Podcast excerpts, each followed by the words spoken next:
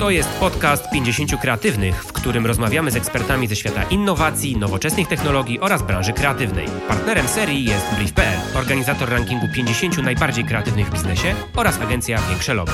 Zapraszam, Paweł Zawadzki.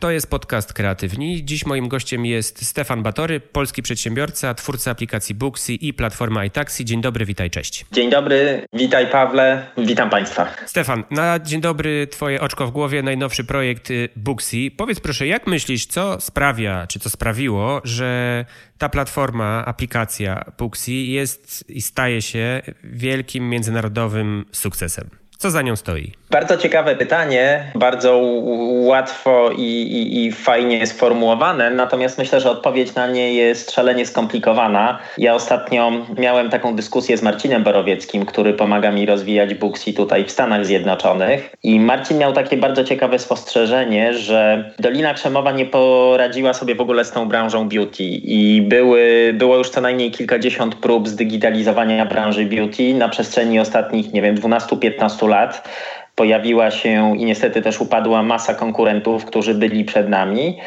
I mieliśmy taką konkluzję, która oczywiście nie wyczerpuje tego tematu, bo to jest bardzo wielowymiarowy i, i, bardzo złożony temat, i tutaj też jest oczywiście odrobina szczęścia i timingu, ale porównując Booksy do, do tych wszystkich spółek, które startowały i były finansowane przez fundusze Venture Capital, czy z Doliny Krzemowej, czy, czy ze wschodniego wybrzeża, doszliśmy do wniosku, że oni wszyscy posługiwali się utartymi schematami i próbowali powielać modele, które funkcjonowały w innych branżach i w innych marketplace'ach i że robili to trochę za biurek, za monitorów komputerów i z Exceli, a za mało czasu spędzili w terenie rozmawiając z tymi fryzjerami.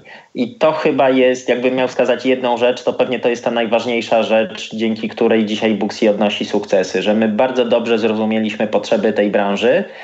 I to jest oczywiście taki bardzo wyświechtany slogan, że się rozumie potrzeby klientów Natomiast my, żeby te potrzeby klientów zrozumieć, spędziliśmy dosłownie setki, a może nawet tysiące godzin rozmawiając z nimi. I mówię tutaj o sobie i o Konradzie Howardzie, moim wspólniku i współzałożycielu Booksy, ale to też jest pewna kultura i DNA firmy, że cała firma rozmawia z tymi ludźmi. Tak? Ja też zachęcam wszystkich nowych menadżerów, których zatrudniamy, do tego, żeby właściwie od tego zaczynali swoją pracę w Booksy, żeby porozmawiali z naszymi klientami, czy, czyli z salonami, które korzystają z Booksy i wszystkie osoby, które na przykład przylatują z Polski do Stanów, które, się, które tutaj przylatują, żeby robić jakieś projekty, też jakby integralną częścią tych ich wizyt jest zawsze odwiedzanie, my to nazywamy merchantów, tak, czyli tych, tych naszych klientów po stronie salonów, bo mamy też klientów po stronie konsumenckiej. Więc yy, jakbym miał to jednym zdaniem, tak, czy prowadzić do jednego punktu, to jest właśnie interakcja z klientami, wsłuchanie się w ich potrzeby, rozmawianie z nimi, bardzo dużo interakcji, które i na początku przy wymyślaniu całego projektu i budowaniu firmy i modelu, ale, ale teraz też już przy jej skalowaniu, przy prowadzeniu, kiedy to jest duża firma, my cały czas to robimy. Czyli po prostu odrobiliście pracę domową, tak? Dobrze rozumiem, bo po prostu bardzo mocno się do tego przygotowaliście i weszliście w to, jak rozumiem, tak na 150%. My ją cały czas odrabiamy, tak. To znaczy, to, to jest taka rzecz, której Konrad i ja, dopóki będziemy prowadzili Booksy, dopóki będziemy mieli wpływ na tą firmę, będziemy pilnowali jak oczka w głowie. Uważamy, że nie ma i trochę też nie rozumiemy, jak można inaczej prowadzić firmę. To znaczy dla nas to jest jakby oczywiste i bardzo naturalne i tak jak mówię, Marcin zwrócił na to uwagę, jak, jak rozmawialiśmy trochę o tym w kontekście Doliny Krzemowej. Wszyscy o tym mówią, ale później się okazuje, że niewiele firm to robi, albo robią to bardzo powierzchownie, żeby tylko odfajkować, mówiąc kolokwialnie, ten temat z listy. Tak? Porozmawialiśmy z trzema, z pięcioma, z dziesięcioma klientami, natomiast my tym żyjemy. To jest po prostu część firmy, to jest część nas, to jest jakby coś, co robimy, co nam przychodzi bardzo naturalnie. Ja zawsze też do każdego kraju, jak lecę i odwiedzam oddziały Books i spotykam się tam z zespołami, to zawsze, ale to zawsze planujemy co najmniej kilka wizyt z lokalnymi biznesami. Czyli z tego, co mówisz, wyłaniasz taki dość ciekawy obraz tego, że y, prowadzisz y, spółkę technologiczną i Booksy jest aplikacją, platformą, y, marketplace'em, ale jednak ten komponent offline'owy jest tutaj niesamowicie ważny i istotny. Jak miałbyś ocenić to połączenie offline'u i online'u? Gdzie tutaj są trudności albo takie pułapki? Bo z tego, co mówisz, rozumiem, że jednak warto postawić na ten offline, czyli to wyjście do tych klientów, wyjście do tych, w waszym przypadku, salonów piękności. No ale rozumiem, że to można przenieść na w zasadzie każdą inną branżę i to od tego powinno się zacząć. Natomiast to połączenie offline'u i online'u no wam udało się to zrobić. Co zrobiliście inaczej? Znaczy jest wiele spółek, które łączą offline z onlinem, czy to nie wiem, hotele, czy zamawianie jedzenia, czy bukowanie stolików w restauracjach, czy hulajnogi, tak? To wszystko są biznesy, które z jednej strony takimi drzwiami i wejściem do, do tego są aplikacje czy ich strony internetowe, ale później te usługi są wykonane w fizycznym świecie. Natomiast cały taki model Doliny Krzemowej i szybko rosnących startupów polega na szybkim skalowaniu. I szybkie skalowanie z definicji ma być tylko online. I wydaje mi się, że że to jest ta subtelna różnica, że pomimo tego, że staramy się budować biznes online, to bardzo dużo czasu spędzamy z tymi klientami, którzy z niego korzystają i zauważyliśmy kilka takich drobnych rzeczy, które były wąskimi gardłami w tym, żeby oni używali. Tak, to była branża, która była tradycyjnie bardzo offline'owa która była bardzo taka konserwatywna, można powiedzieć. I na początku, jak się spotykaliśmy z klientami, to oni nam mówili, większość mówiła, że nie widzi w ogóle takiej potrzeby. Mówili, bo przecież wszyscy klienci do mnie dzwonią. No i my wtedy zadawaliśmy pytanie, no tak, ale jeśli to jest jedyny sposób, żeby to zrobić, to się nie dziwię, że wszyscy dzwonią, bo ich zmuszacie do tego, żeby dzwonili, ale postawcie się na miejscu tego klienta, tak? Co, jak wy chcecie po wyjściu z pracy gdzieś się umówić, to czy was to nie frustruje? I dopiero to im zaczęło otwierać oczy i to im zaczęło pokazywać, że, że jak się postawią w butach swoich klientów, to zaczynali rozumieć potrzebę y, skorzystania z takiego systemu, dopiero jako klienci nawet, a nie jako salony. To, co jest chyba najtrudniejsze, to jest właśnie skalowanie, bo z jednej strony to, że jesteśmy tak blisko tych biznesów i że bardzo dostosowaliśmy model sprzedaży i model onboardingu i model skalowania do tego, żeby usunąć im pewne bariery. Jednocześnie to tworzy też pewne bariery, bo to wymaga takiego bardziej indywidualnego podejścia niż to robią takie typowo online'owe spółki, które właściwie nie mają zespołów sprzedaży, które nie mają właściwie zespołów onboardingu, tylko wszystko się dzieje online i ci klienci muszą sami y, wszystko zrobić, więc to jest pewnie najtrudniejsze zachowanie takiego balansu w tym naszym online'owym modelu, ale jednocześnie bycie blisko klientów i, i wspieranie ich, zwłaszcza na początku, bo przy, przy branży, która była tak i nadal jest w dużym stopniu jeszcze cały czas offline'owa i konserwatywna. My wewnętrznie czasem mówimy o tym, że trzeba tych klientów trzymać za rękę. To znaczy, to są często panie czy panowie, którzy mają, nie wiem, 50-60 lat, którzy nie urodzili się ze smartfonami, tak jak teraz to pokolenie 20 czy 30-latków którzy nie czują się w tym środowisku naturalnie i czasem po prostu się boją. To znaczy, z jednej strony widzą potrzebę i chcieliby skorzystać z takiego rozwiązania, jakim jest Booksy, ale z drugiej strony mają bardzo duże obawy.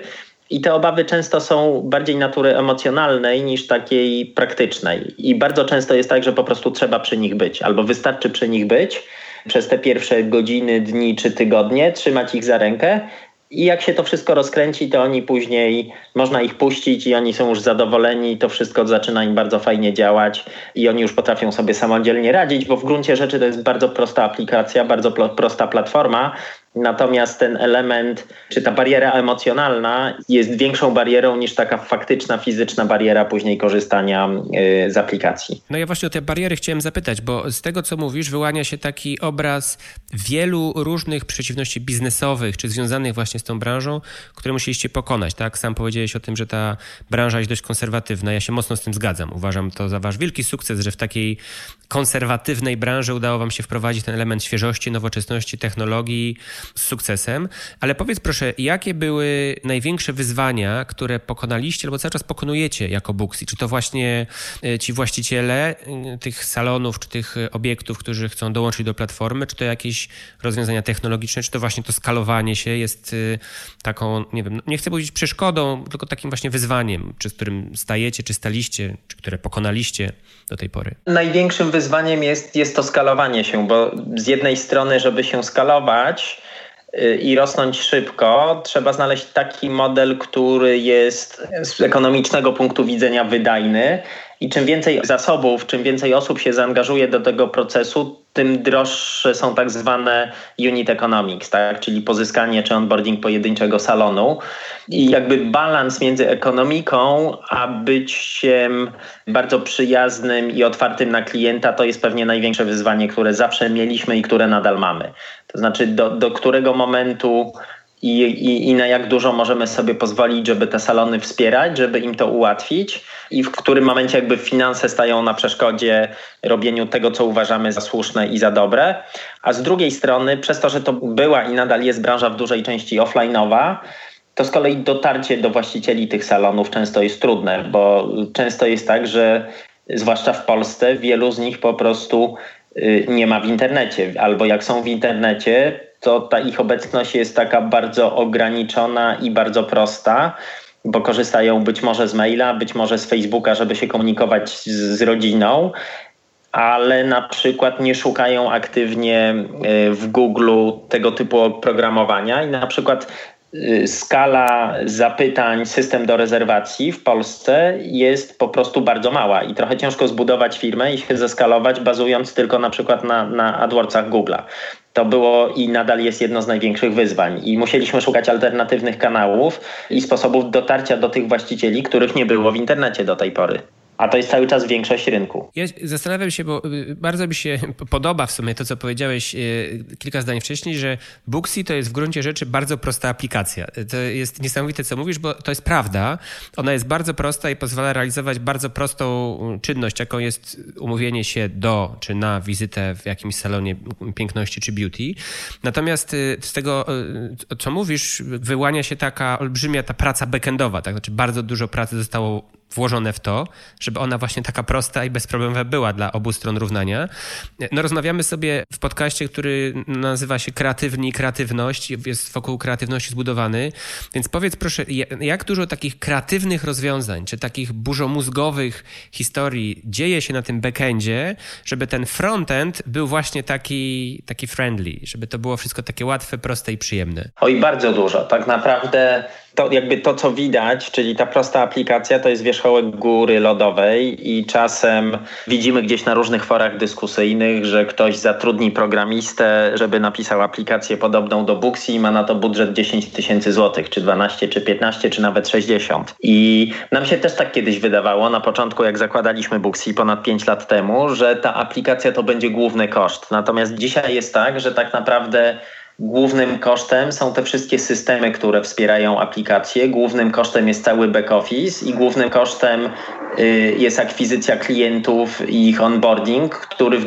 dużym stopniu jest po prostu realizowany ludźmi, a nie systemowo, a przynajmniej na tym pierwszym etapie. Natomiast my robimy masę, masę takich drobnych rzeczy, które nawet ciężko mi je wymieniać, ale to są dziesiątki czy, czy setki pomysłów miesięcznie, czy kwartalnie, czy być może nawet tysiące w skali rocznej, które testujemy i sprawdzamy, y, jak to zrobić, żeby te salony w jak najprostszy i najszybszy sposób się zonboardowały. I mieliśmy kiedyś takie bardzo fajne rozwiązanie, które niestety Google nam wyłączył, bo było to wbrew regulaminowi, że jeśli salon nie był w stanie odebrać telefonu, to automatycznie wysyłaliśmy SMS-a.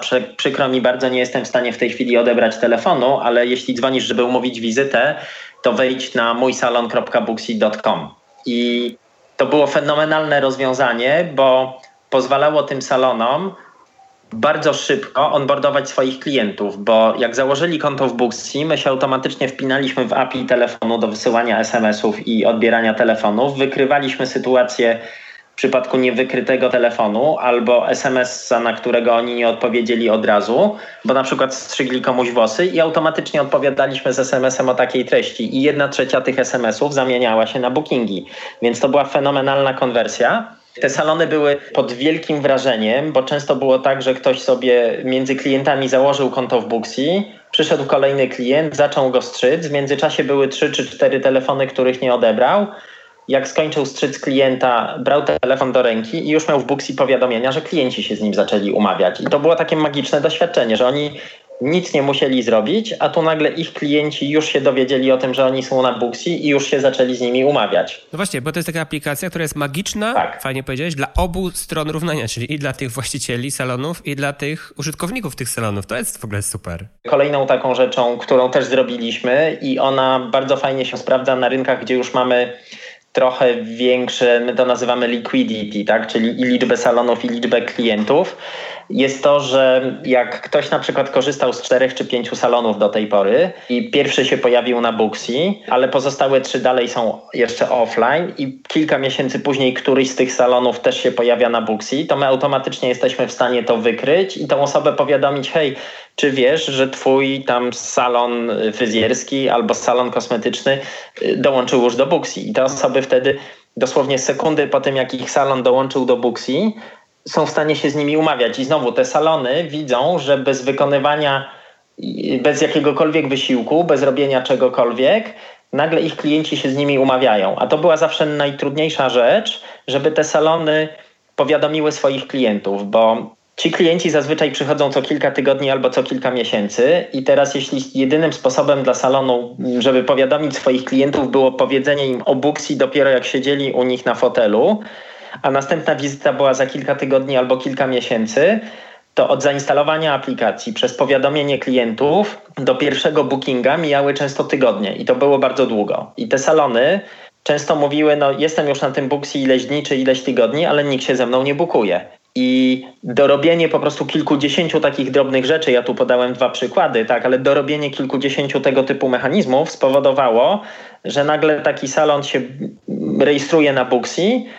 i bardzo szybko, najczęściej w ciągu 24 godzin już ma pierwszy booking. I jeśli w ciągu 24 godzin zaczyna mieć pierwsze bookingi, to widzi, że to Booksy mu już działa i wtedy z większym entuzjazmem podchodzi do tego, żeby informować o Booksy kolejnych swoich klientów. Mieliśmy taki fenomenalny przypadek salonu chyba w Łodzi, gdzie właściciel salonu fryzjerskiego zarejestrował się w piątek wieczorem. Założył, że on w sobotę skończy konfigurację, doda wszystkie usługi, wszystkich pracowników, przepisze z papierowego kalendarza wszystkie wizyty, które miał na kilka kolejnych tygodni i obudził się w sobotę rano już miał dwadzieścia kilka osób, które się do niego umówiły i zadzwonił do nas i mówi wyłączcie mi to jak najszybciej, wyłączcie mi to jak najszybciej, bo mam y, podwójne bookingi, konflikty, ja muszę zdążyć przepisać resztę mojego kalendarza i dopiero wtedy to włączę. Więc my mu zablokowaliśmy konto. On przez sobotę spokojnie sobie przepisał z papierowego kalendarza wszystkie wizyty wszystkich swoich pracowników, włączyliśmy mu to i, i, i wszystko super działało. Ale to był dla nas dwa lata temu pierwszy taki spektakularny przypadek, gdzie dosłownie ktoś przez noc miał 30 bookingów, i, I to nam pokazało, jakby jaka moc drzemie w Booksy, i to też pokazało temu właścicielowi. Jakby my już nie musieliśmy go przekonywać do tego, żeby on kupił Booksy. Salony w Polsce mają kilkudniowy okres próbny, i ten właściciel właściwie przez noc obudził się rano i zrozumiał, nie miał już wątpliwości, że chce być na Booksy, tak? tylko musiał dostać te ekstra kilka godzin, żeby sobie spokojnie przepisać swój kalendarz. No czyli tutaj te, te kreatywne rozwiązania to nie jest jedna wielka big idea, która jest takim game changerem, tylko z tego co rozumiem kilkanaście czy kilkadziesiąt takich mikroprocesów, które właśnie składają się na jeden wielki sukces lub można by powiedzieć taki wiesz, proces, który zmienia oblicze gry. No to tak górnolotnie można powiedzieć, ale ja to tak rozumiem z tego, co mówisz, tak? Czyli na każdym z tych etapów jest jakaś taka drobnica, która na koniec dnia powoduje, że no jest to zupełnie inny experience niż, niż do tej pory z czymkolwiek innym. To brzmi bardzo spektakularnie, powiedziałbym. To brzmi bardzo nudno przede wszystkim, tak? Bo to jest taka bardzo ciężka, bardzo mozolna praca. My, my, parę razy mieliśmy takie zrywy, bo myśleliśmy, że będziemy mieli tak zwany silver bullet, także zrobimy coś, co kompletnie zmieni rzeczywistość, zmieni, jakby świat, w którym się poruszamy, zwłaszcza na początku, kiedy byliśmy jeszcze trochę naiwni i wydawało nam się, że to będzie taki quick win. I za każdym razem wdrażaliśmy to i się pokazywało, no nie, konwersja się poprawiła tylko jeden punkt procentowy, tak? Ale po roku nagle konwersja nam się poprawiła o 12 punktów procentowych właśnie przez złożenie kilkunastu takich drobnych rzeczy. Tak? I to nas nauczyło i też pokazało, że tu nie ma prostych rozwiązań, tu nie ma dróg na skróty, tylko trzeba po prostu mozolnie, krok po kroku wdrażać kolejne rzeczy, testować je, sprawdzać, czy działają. Jak działają, to je skalować. Jak nie działają, to z nich rezygnować. I małymi kroczkami jakby upraszczać, upraszczać, upraszczać i upraszczać. I tutaj jakby y, bardzo ważną rolę pełni, pełni cały produkt, cały dział, którym kieruje mój wspólnik Konrad Howard, który jest w ogóle takim fanem upraszczania. Tak? Jak często dyskutujemy i mamy burzliwe dyskusje, to Konrad najchętniej by wyrzucał różne rzeczy z Booksy po to, żeby to było jak najprostsze i, i, i żeby zmniejszyć bariery wejścia z jednej strony. Z drugiej strony gdzieś tam mamy ze strony różnych rynków, krajów i country managerów, którzy nimi zarządzają, jakieś requesty, że tu dla ich rynku trzeba coś inaczej zrobić, bo oni są specyficzni, bo, mają, bo ludzie mają inną mentalność, więc to jest taki ciągły proces twórczy, który już trwa kilka lat, gdzie po prostu ściera się masa, masa pomysłów. I tak jak mówię, mówimy o dziesiątkach, o setkach, być może nawet w skali roku o tysiącach takich drobnych rzeczy, które robimy, testujemy, sprawdzamy, dokładamy. I jak się popatrzy na aplikację, to ona właściwie Poza tym, że się wizualnie zmieniła, to jakby jej zasadnicza rola i funkcje się nie zmieniły. Tak? Tam jest lista salonów, tam można sobie wybrać salon, wybrać w tym salonie konkretnego fryzjera, yy, dzień i godzinę i umówić wizytę. Tak? Czyli można powiedzieć, że przez 5 lat aplikacja z punktu widzenia konsumentów się nie zmieniła. Natomiast jakby to wszystko, co jest pod nią, zmieniło się już pewnie 3 albo 4 razy, jak się popatrzy na to w całości. My jakby małymi krokami, ale jakby cały czas przepisujemy i przerabiamy tak zwane bebechy i, i, to wszystko, co jest w środku, po to, żeby ten user experience i po stronie konsumentów, i po stronie salonów był prosty. Ja chciałem Cię zapytać, powiedziałeś o tym troszkę, ale chętnie pociągnąłbym ten temat y, związany trochę z tym skalowaniem się i trochę z tym działaniem na różnych rynkach, no bo jesteście y, na wielu różnych rynkach i, i troszkę powiedziałeś o tym, że ze względu na różnice kulturowe ta aplikacja w różnych krajach czy w różnych obszarach geograficznych ma swoje różne wyzwania. Czy jest coś takiego, takiego, co przychodzi ci teraz do głowy, y, co jasno pokazałoby na przykład, że nie wiem, w Polsce jest zupełnie inaczej niż w Stanach, zupełnie inaczej niż w Europie y, Zachodniej. Coś takiego, co was też jako twórców aplikacji zaskoczyło na etapie projektowania, rozmów z różnymi stronami przy aplikacji. Czy coś takiego ci przychodzi do głowy, czy mógłbyś powiedzieć jako absolutna różnica kulturowa w podejściu do całego procesu związanego z Booksy? Pewnie taką największą różnicą, którą zaobserwowaliśmy na samym początku, co prawda nie na etapie projektowania, ale już kilka tygodni czy miesięcy po tym, jak, jak zaczęliśmy Booksy wdrażać i sprzedawać i w Polsce i w Stanach Zjednoczonych, a później też na innych rynkach, że właściwie jest przepaść taka mentalna w między Polską czy w ogóle rynkami rozwijającymi się, a tymi rynkami rozwiniętymi, w takiej otwartości na, na, na, nowości, w testowaniu i w próbowaniu nowych rzeczy. Amerykanie czy Brytyjczycy, czy Hiszpanie dużo chętniej testują nowe rzeczy, dużo chętniej je sprawdzają, dużo odważniej do tego podchodzą, a Polacy są dużo bardziej ostrożni i zachowawczy. I to jakby było widać na kilku etapach lejka. Tak? Po pierwsze, dużo łatwiejsze i bardziej skalowalne były te nasze działania związane z marketingiem online i mieliśmy dużo większą liczbę tak zwanych sign-upów, czyli osób, które po prostu się rejestrowały, żeby sprawdzić, przetestować. I dużo lepsze konwersje też były y, na rynkach zachodnioeuropejskich, a te dużo większe konwersje wynikały z tego, że w Wielkiej Brytanii czy w Stanach Zjednoczonych salony od razu pierwszego dnia, jak zainstalowały Booksy, to informowały o tym swoich klientów, hej, od dzisiaj nie musicie do mnie dzwonić, możecie ściągnąć aplikację Booksy, tam wybierzecie sobie dzień i godzinę i to będzie łatwiejsze dla was i będzie łatwiejsze dla mnie.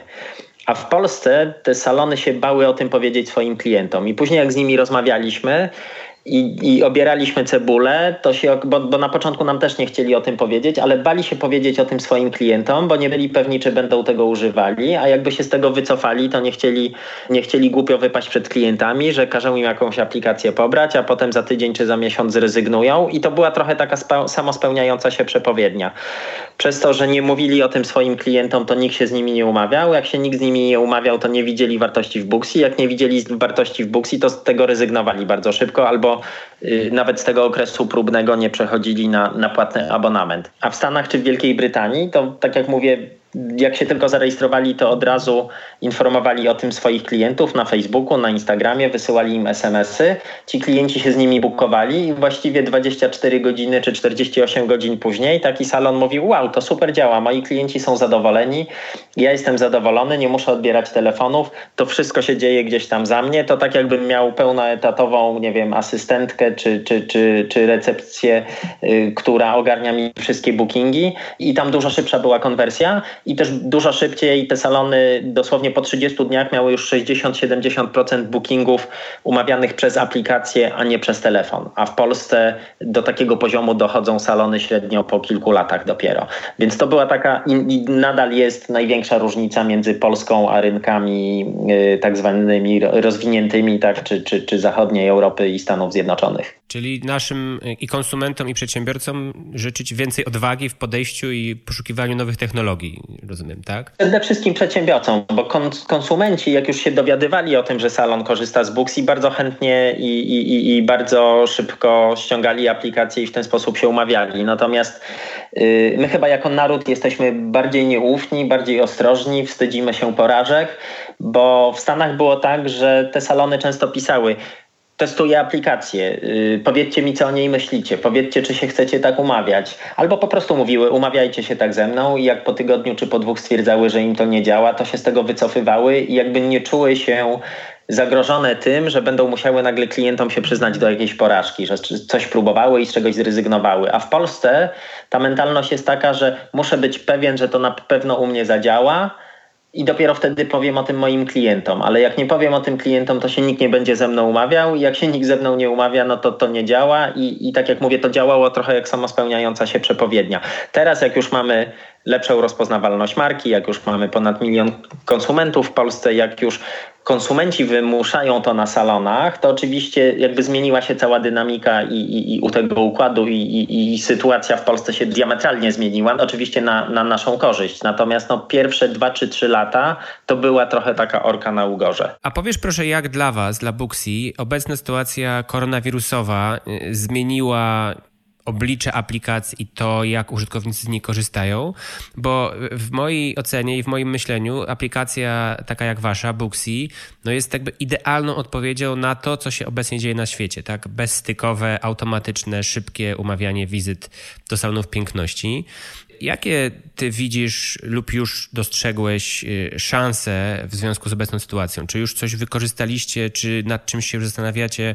No oczywiście mam tutaj na myśli nie tylko te historie z umawianiem wizyt do banków, co jest w mojej ocenie bardzo odważne, ciekawe, interesujące, ale w ogóle cała ta sytuacja pandemiczna, jak na was y, wpływa, jakie tutaj szanse, możliwości widzicie i wykorzystujecie, czy będziecie wykorzystywać? Znaczy taką największą szansą chyba jest to, że bardzo przyspieszają pewne trendy i otworzyły się dla nas zupełnie nowe obszary, które do tej pory nie istniały, czy przed koronawirusem nie istniały, tak? Bo przykład banków, który podałeś, ale też operatorów telekomunikacyjnych, operatorów takich energetycznych, tak? Czy utilities szerzej rozumianych, y, urzędów y, miejskich, ogólnokrajowych i tak dalej. Jest cała masa branży, firm y, i instytucji, z którymi w tej chwili rozmawiamy, które się do nas zgłaszają, bo Zawsze ludzie tam stali w kolejkach i to nie stanowiło problemu, a nawet jak stanowiło jakąś niedogodność, że trochę narzekali, że to jest niewygodne, że najchętniej to by przyszli na kolejną wizytę,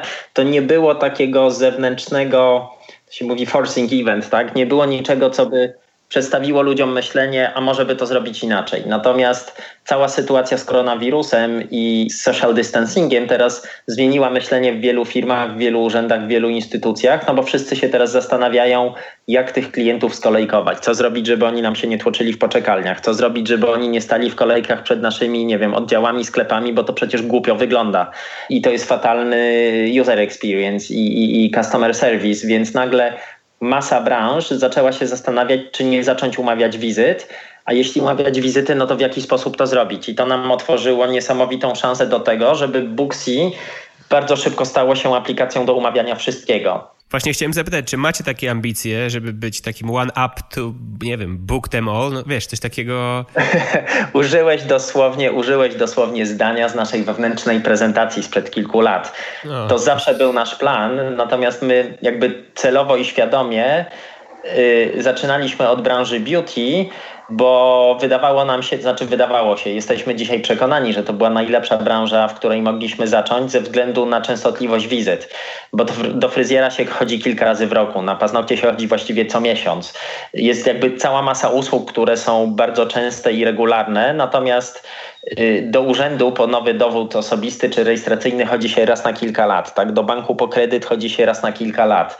Y, do, nie wiem, do operatora po nowy telefon też się chodzi raz na kilka lat, czy nowy po wymianę SIM karty, więc jakby tam ta częstotliwość wizyt stanowiła mniejszą motywację dla ludzi do pobrania aplikacji i dlatego chcieliśmy najpierw zacząć od branży, w której ta częstotliwość i pewna habitualizacja umawiania yy, nastąpi w naturalny sposób i później się powoli systematycznie rozszerzać. I ten proces powolnego i systematycznego rozszerzania po prostu przyspieszył i jeśli wszystko dobrze pójdzie, tak, to za trzy miesiące Booksy będzie aplikacją dosłownie do umawiania wszystkiego. No właśnie, y, tak zmierzając powoli do końca naszej rozmowy, ja y, zawsze zadaję gościom pytanie, czego życzyć tobie i Booksy w perspektywie, nie wiem, rocznej, półrocznej, kwartalnej, czy coś takiego, czego miałbym ci życzyć, albo za co tak mocniej trzymać kciuki, nad czym teraz pracujecie? Właśnie ten booking na, na wszystko, czy coś, czy coś jeszcze innego? Tak jak Ci mówiłem, to jest zawsze dziesiątki różnych drobnych projektów, nad którymi pracujemy, więc ciężko jest je nawet wymieniać. Pewnie takim najważniejszy, najważniejszym w tej chwili i, i takim, który zdefiniuje to, czym będzie Booksy na najbliższe kilka lat,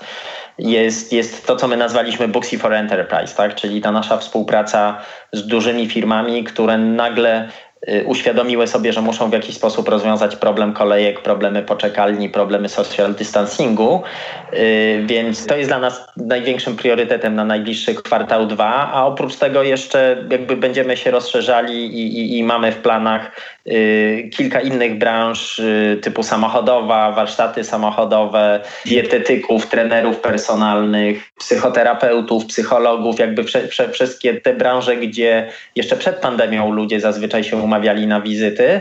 Tylko tak jak mówimy, chcieliśmy zacząć od jednej branży i teraz nastąpiło gwałtowne przyspieszenie, więc my też bardzo szybko na te inne branże będziemy się otwierali. Więc jeśli za coś masz trzymać kciuki, to, to proszę za to. To za to trzymam kciuki. E, ostatnie pytanie, no bo jednak jesteś twórcą aplikacji, która dla wielu osób y, jest takim must have, zmieniła trochę ich życie i ułatwia bardzo wiele procesów, a ja chciałem ciebie tak personalnie zapytać, czy jest jakaś technologia, platforma albo właśnie taka usługa, aplikacja typu Booksy, która przykłada twoją uwagę, albo która zmieniła, wiesz, twoje życie prywatne albo zawodowe, jakiś SaaS, albo jakaś apka, albo jakaś kreatywna idea, którą zobaczyłeś, pomyślałeś, wow, to jest ekstra? E, chyba cię zaskoczę, bo nie, albo inaczej, wiesz, cały mój proces kreatywny, jak o nim myślę, czy proces poznawczy, wynika z łączenia kropek. To znaczy, ja uwielbiam jakoś bardzo wewnętrznie jakby w ten sposób procesuję informacje, że łączę drobne punkty. To znaczy rzadko jest tak, że jest jakaś taka jedna rzecz i takie olśnienie jak w bajce zaczarowany ołówek. Raczej to jest tak, że widzę dużo rzeczy, rozmawiam z wieloma ludźmi, wewnętrznie w firmie, zewnętrznie z klientami i, i, i gdzieś tam to się wszystko musi ze sobą przegryźć, przemielić i, i, i łączę kropki i wyciągam drobne elementy. Y, to, to, to raczej jakby tego rodzaju proces i w tym sensie jest pewnie wiele aplikacji, z których na co dzień korzystam. Inspirację czerpię, ale takimi małymi kawałkami. To, to nie jest tak, że jest coś, co robi efekt wow. No na pewno aplikacje do zamawiania jedzenia, tak, na pewno aplikacje do, do, do rezerwowania hoteli. To są takie, które zmieniły moje życie. Nie, to ja, ja wiem, ja, ja wiesz, ja, to takie everyday use, tylko tak się zastanawiam, wiesz, no jest tych apek, tych y, sasów, tego wszystkiego tak dużo, że wiesz, że po prostu czasami się trafia na coś, myśli, kurczę, to w ogóle oszczędza mi teraz, wiesz, godzinę w tygodniu, albo pięć godzin w miesiącu, albo w ogóle jest jakąś rewolucją, więc o, o, o, takie, o taką historię, wiesz, pytam. Nie mam takiej historii, natomiast jakby one wszystkie razem pewnie oszczędzają mi bardzo dużo czasu. Zwłaszcza teraz jakby w pandemii tak częściej zamawialiśmy jedzenie, no bo w ogóle nie chodziliśmy do restauracji. Już od dawna tak wszelkiego rodzaju aplikacje do rezerwowania hoteli, biletów lotniczych, jakichś tam biletów do kina, koncerty i tak dalej, tak? No tu się całkowicie przestawiłem na, na online slash e-commerce i na interakcję ze światem rzeczywistym przez aplikacje, ale to jest chyba jakby suma tego wszystkiego i masa krytyczna które, które zmieniły moje życie, a nie jakaś pojedyncza aplikacja czy pomysł. No, czyli, czyli wciąż jeszcze jest yy, na rynku coś, co może zaskoczyć Stefana Batorego. Ci, którzy słuchają, niech myślą, co zrobić, jak połączyć te kropki tak, żeby się któregoś dnia ty się właśnie obudził i pomyślał, that's it. Bardzo dziękuję ci za rozmowę. Yy, trzymam kciuki za Booksy, jestem aktywnym użytkownikiem i, i wróżę wam wielki sukces i w Polsce i na całym świecie. I jeszcze raz wielkie dzięki za twój czas, za rozmowę, no i mam nadzieję, że niebawem, jak pandemia trochę się uspokoi, może do osobistego zobaczenia. Więc dzięki wielkie i do zobaczenia. Dziękuję bardzo, do zobaczenia, cześć. Dzięki za dziś. Pozostałe odcinki tego podcastu znajdziecie na Spotify, Apple Music, SoundCloud oraz w swoich ulubionych odtwarzaczach podcastowych. Do usłyszenia!